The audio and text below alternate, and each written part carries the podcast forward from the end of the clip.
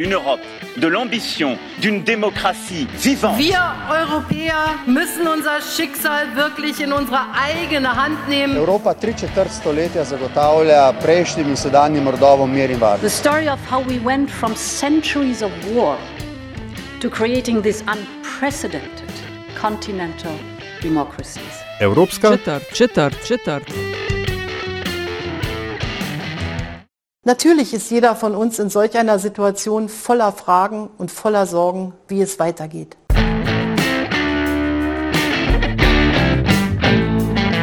Spoštovane in cenjeni, dobrodošli v podkastu Evropska četrt, podkastu o vsem, kar vas bo zanimalo o Evropski uniji, pa niste vedeli, koga vprašati. Evropsko četrt vodiva Aljaš Pengal Bitenc in Nataša Briškim, podcast domuje na spletni postaji metinalista.sim, v vašem nabiralniku pa sveža epizoda, takoj, ko je na voljo. kanclerka Angela Merkel je vse od leta 2005 na čelu Nemčije, najmočnejše gospodarske sile Evropske unije. Velja za eno najvplivnejših političark našega časa, leta 2021 se nepreklicno poslavlja z položaja, čeprav bi jo nekateri še vedno radi videli v tej vlogi. Ampak ta zgodba se počasi končuje, zato tokrat več o tem, kako se je Nemčija spreminjala pod njenim vodstvom, ključni momenti v njeni karieri, njena zapuščina in kje jo utegnemo najti v prihodnje. Stefan Cornelius, vodja zunanje političnega oddelka pri časopisu Süddeutsche Zeitung in naš sogovornik, jo pozna zelo dobro. O njej je pred leti napisal knjigo Kanclerka in njen svet. Well, I met her first in 1989 when the wall came down in East Berlin or in Germany, and uh, I was a junior reporter, actually a student, was working for my paper already for Süddeutsche, and was sent uh, to East Berlin to help our correspondent there to cover the issues. Angela Merkel at that point was uh, the spokeswoman for a newly founded party called Demokratischer Aufbruch or Democratic Awakening.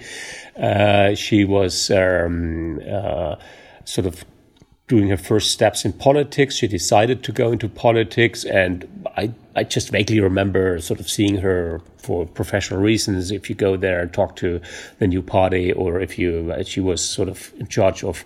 Uh, doing the press work and releasing information, and so she was a point of contact.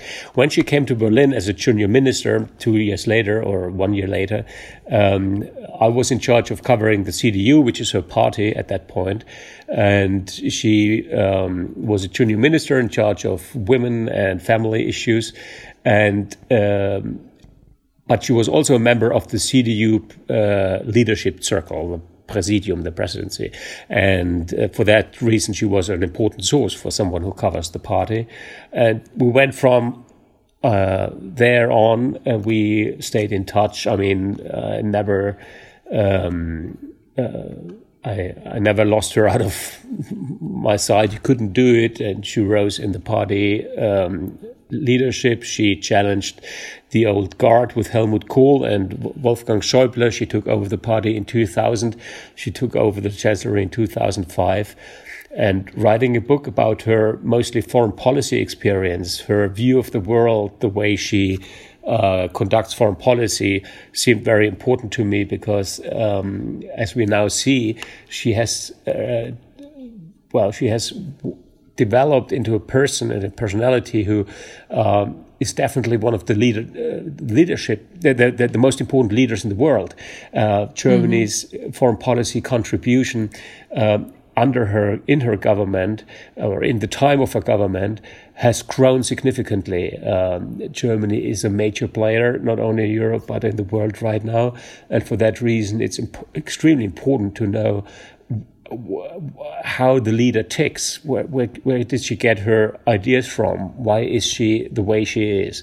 And I was able to talk about these issues with her, and especially with her immediate advisors. And I think this is a part which needed to be narrated, and that's why I wrote the book. Mm, uh, you know her uh, definitely closely than most others uh, from the moment that she entered also the national and the world stage. Uh, how would you say that all of these changed her from the person that you uh, had coffee with at the beginning of uh, 2000 and you know years around that and now? Is it a different person? at the heart of it, she's not a different person. She's extremely true to herself. She's still a very modest and uh, deliberate and considerate woman. She's someone who is extremely rational, quiet, thought through, extremely intellectual. Um, and, and intelligent. She is very quick in thinking and deciding. Um, and she has this phenomenal ability to store information and knowledge and, and connect it if necessary. Uh, so she remembers very well. Um, one thing has changed, which is sort of her accessibility from the outside. She has muted into a political figure, which is quite natural after 30 years in political life. So you cannot really distinguish whether there's a private Merkel or a political Merkel only. Um, it's the one person you see. This is what you get. Uh, she had a time in the mid 90s when she was herself um, uh, uneasy with that kind of transformation of a personality where you um, realize that there is no privacy, that any kind of emotionality you show is exploited and discussed. Um, but she has withdrawn her inner personality, if there is something like that, uh, and uh, and and now pretty much display what we know and see. So the core intellectual part, the core brain Merkel is still there. And then you have the political figure, which we know by heart, which we know very well. And there's nothing new to detect here. So Angela Merkel, I think, is in terms of what's important, which is the way she thinks and the way she decides and the way she acts as a character, uh, extremely true to herself. She hasn't changed that much. Now, talk to us a bit about uh, what would you say are the most defining moments of her uh, career. I mean, during the Euro crisis, uh, uh, that definitely was one. Uh, she alienated Greeks. Uh, some in Europe were kind of shocked when she opened the Germany border for migrants. Now, with the COVID crisis, I mean, she was a lame duck president, and it seems that the crisis, uh, as uh, you mentioned, also kind of rejuvenated her. Uh, what would you say were the defining moments of her political career? Well, the most important feature of the time of her being chancellor, those um, 15 in soon 16 years, is the steadiness of that governance, the kind of stability she provided uh, without uh, denying and without neglecting that the country and Europe changed dramatically in this. So to keep a country the size of Germany stable and prosperous and growing and modernized uh, over the, such a period of time is quite an achievement. Um, the second most important thing is Germany's uh, role in the world. Uh, this has changed dramatically under her government uh, under her government. Uh, when Gerhard Schröder left in 2005, um, we just sort of we saw the first impacts of a post a, a post American world. 9/11 had just been four years. Uh, past. Uh, the wars in Iraq and Afghanistan were still raging. And uh, Europe had to develop its own character, and it did so. Um, Germany uh, for good or bad re- uh, reasons, so uh, very soon found itself in a very peculiar situation in Europe. France, as a natural partner, which always was there, and sort of the, the sparring partner of, of, of the political life in Europe, was growing weaker and weaker for economic reasons, but also for governance reasons. Most presidents in Merkel's time were weak types. Um, uh, Sarkozy, uh, Hollande and uh, now Macron makes a difference, but uh, there there wasn't that kind of equivalent in France to be seen.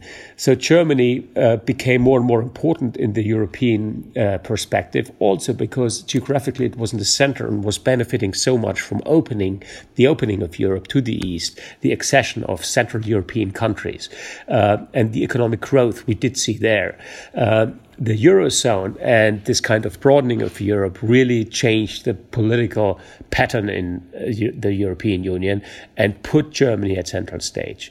Now, historically, this is a huge danger. We always saw over centuries and centuries that this so big power in the heart of Europe, the superweight here with so many people and such prosperous economy and so much power, uh, is a natural, well, not not enemy, but a foe, a danger, a sort of a, a kind of uneasiness for its neighbors. Um, if you look at from Slovenia or from uh, let's say Luxembourg or Belgium, Germany is a giant, and the Germans always deny this. They don't really think about it too much. Um, but keeping the equilibrium in Europe, keeping Europe in balance, and not overstretching Germany's might is one of the most important political things you can do to keep peace and prosperity and tranquility in Europe. And this is something Angela Merkel mastered pretty well. She didn't overplay Germany's hand, even though she was called sort of the most important woman woman in the world and Germany the most important mm. uh, remaining democracy in the West and all of that. Um, so keeping a kind of normalcy and keeping Germany's strategic impact predictable and in line with its allies and neighbors is an important, important, important issue. And uh, Europe can very easily be wrecked, and we saw how easily it can be wrecked during the refugee crisis and during um, the now the COVID crisis. Uh, and it always needs leadership from the center, and this is this is what Merkel provided. Uh, and I would deny the the the the the, the sort of the view uh, that the European economic crisis in 2008 and the, the euro crisis, the, the financial debt crisis, uh, sort of was uh, solved on the back of the southern countries. Those countries were hugely indebted. Their economies were not uh, uh, sort of um, compatible economically, and they were prone to the uh, vultures of the financial market. They would have been ripped apart by the international financial system because they simply were not worth a credit penny there. And uh, to to bring them back, um, sort of in a in a predictable economic uh, sphere to, to reform the economies, uh, not to sort of uh, paint over their problems with tons of money. That was the key thing to keep the euro alive. Um, uh, it's never really been understood in the South how uh, endangered the joint currency and with that, the common market in the European Union was by their behavior. They just thought, well, if you give us money, things will be solved. That's not, that's far too simple. This logic never really uh, was credible and was never understood in the financial world. And we can sort of dislike the financial world for the way it works, but uh, we can also say, well, that's the way it is. And we cannot reform it. It's sort of internationally grown. And uh, we cannot have a European cuckoo land where we sort of um, simply sh- shuffle money into problematic areas and things will be fine. Mm, as you mentioned, she has she has been a chancellor since uh, 2005, so for 15 years, and uh, there aren't many countries uh, dem- in democratic countries that uh, they would have uh, leaders uh, for so many years in power. Um, which world leader would you say she has the best relations to? In Europe, Macron seems to be the closest at the moment. Which well, one did she? Could you really I mean, say she, like that? Yeah. She has a very practical attitude towards fellow foreign leaders. Uh, and the, the, the overruling line is um, they are there. I have to deal with them. She doesn't really sort of judge whether she likes him or not. She uh, judges them on whether she um, can get along content wise, whether she can work with them or not. Uh, and she sort of starts from the assumption that she has to work with everyone, be it Vladimir Putin, or be it Xi Jinping, or be it Donald Trump. She might not like them, but she has to get along with them somehow. Um, world politics is not sort of a pick and choose thing. Uh, it's a continuation of problems, and mostly the problems are hugely overwhelming compared to the nice moments. Uh, so, yes, you might have a good relationship with one leader, uh, and you might feel comfortable in his presence, but nevertheless, the key the key relations are those who deal with the big, big problems. And our major problems right now are our relations with China. Uh, what kind of rules do we apply for our joint economics interests? Uh, what kind of access do we grant each other? Um, how do we deal with the inherent problem of a systemic uh, coalition we do have? This is a uh, a monolithic, one party ruled, authoritarian, uh, state controlling, uh, huge, huge country with vast economic impact all over the world. And we do have a very fluid, democratic, open, unpredictable society which needs economic prosperity to uh, keep things calm and to, to, to, to be sort of at ease with itself. So, uh, we do clash constantly with in our uh, political worldviews. The same with Russia. Even worse, though, because Russia is so much closer to us uh, geographically. Ukraine and the Crimea prove to us that the systemic clashes we do have are simply uh, not to be concealed. We we cannot reconcile this. This is, cannot be solved. It has to be solved very uh, fundamentally. Now with Belarus, uh, it's a question of what system you want to follow. If you want to uh, be a, sort of a, a, a one party, one person controlled uh, state, authoritarian, uh, almost dictatorial. Um, that simply doesn't go along with any kind of uh, idea we do have in the European Union of governance.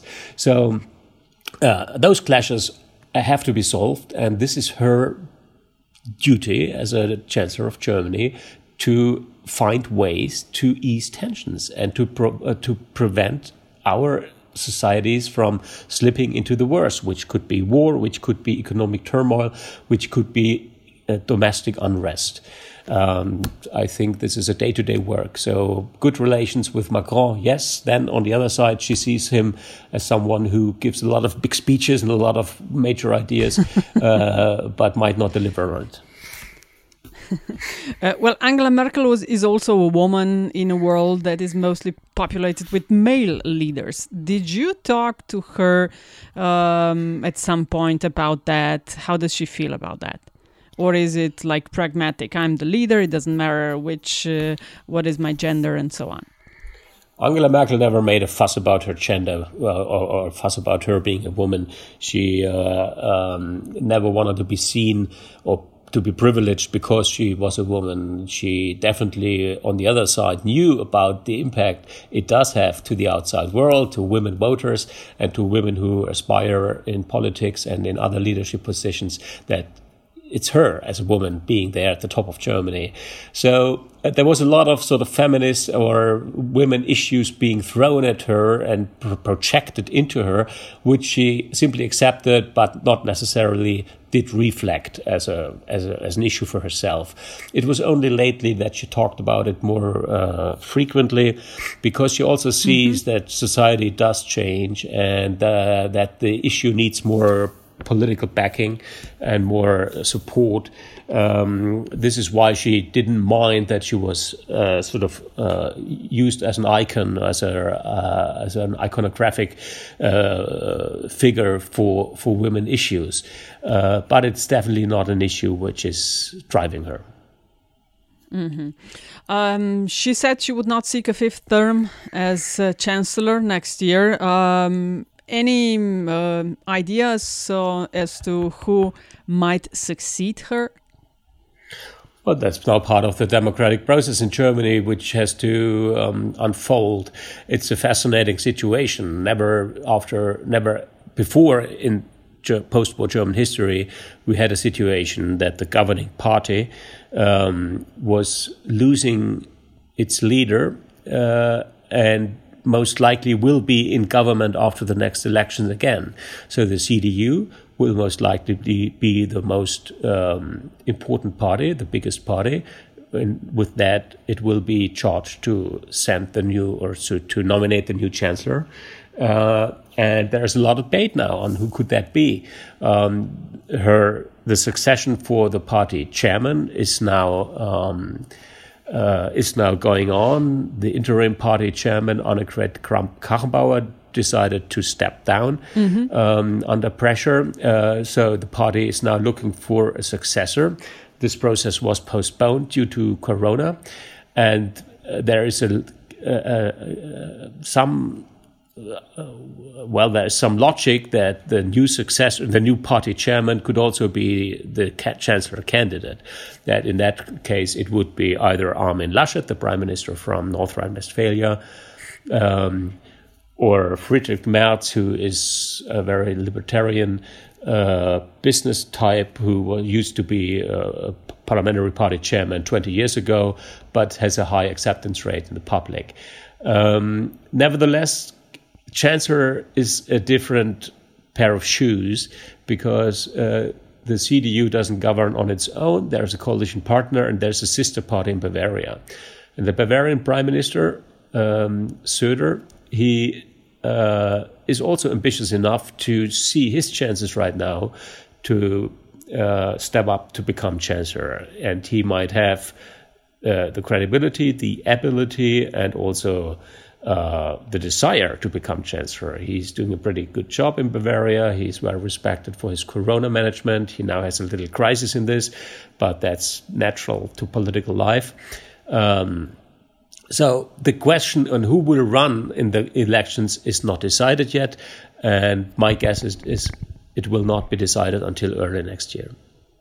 Mm. And Angela Merkel's future, what is left for her? She's 66 years old. I mean, she hinted that she might return to academia.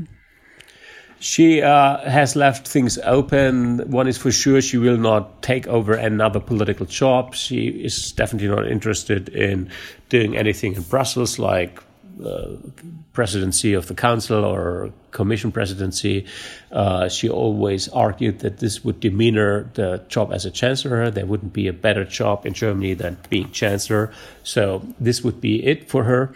Uh, she jokes that she would go to sleep first and take a good nap for a while. and when she wakes up again, she'll look around and then she decides. Uh, there is some. Um, uh, some credibility in in the thought that she could do more in academia, that she sets up her own shop, kind of a think tank thing with her name as a brand, uh, probably being asked to do uh, special work on, on, on, on tasks as sort of international crises for the UN. I don't know. She has to make up her mind. Um, she's a bit worn out now after 20 years, and you rightly said that before Corona she was uh, sort of a lame duck chancellor.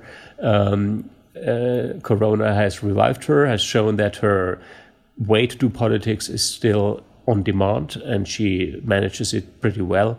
Uh, but there will be a time when democracies have to change leaders, and that's very important for a revigoration of reinvigoration of German political life and for a new generation to step up. Uh, so I'm very excited for that moment. It's it's been a, a, first for Germany. It's a huge test, and it will it will mark. Uh, an important point in, in the country's history and also in Europeans' history, because we do will have to prove that democratic change can be done um, sort of orderly and without radicalizing. And that's something new in the past years. If you look at democracies, which all mostly have become more radical, more populist, more uh, more more more personality focused, but probably Germany can stay sober. Mm. And which book is next in the pipeline for Stefan Kornelius? Enough work on the day to day basis. that book. Thank you so much for sharing the insights about the German politics and the Chancellor Angela Merkel with us, and thanks for being a guest on the European Quarter podcast. All the best, uh, Mr. Kornelius. Thank you. To je bila Evropska četrt, 54. podcast Vesolju. Hvala za vašo pozornost, predlogi in mnenja pa kot vedno zelo dobrodošli. Hvala tudi za pohvale in kritike, ki jih delite z nama, in res hvala za investicije, ki jih namenjate razvoju in produkciji naših vsebin. Avtor glasbene podlage je Peli iz Afna Hishem Band. Če vam je vsebina všeč, bo pomagalo, da nas najde še kdo, če naj ocenite pri vašem izbranem podkastu ponudniku. Sicer pa hvala za vašo družbo in se spet slišimo k malu.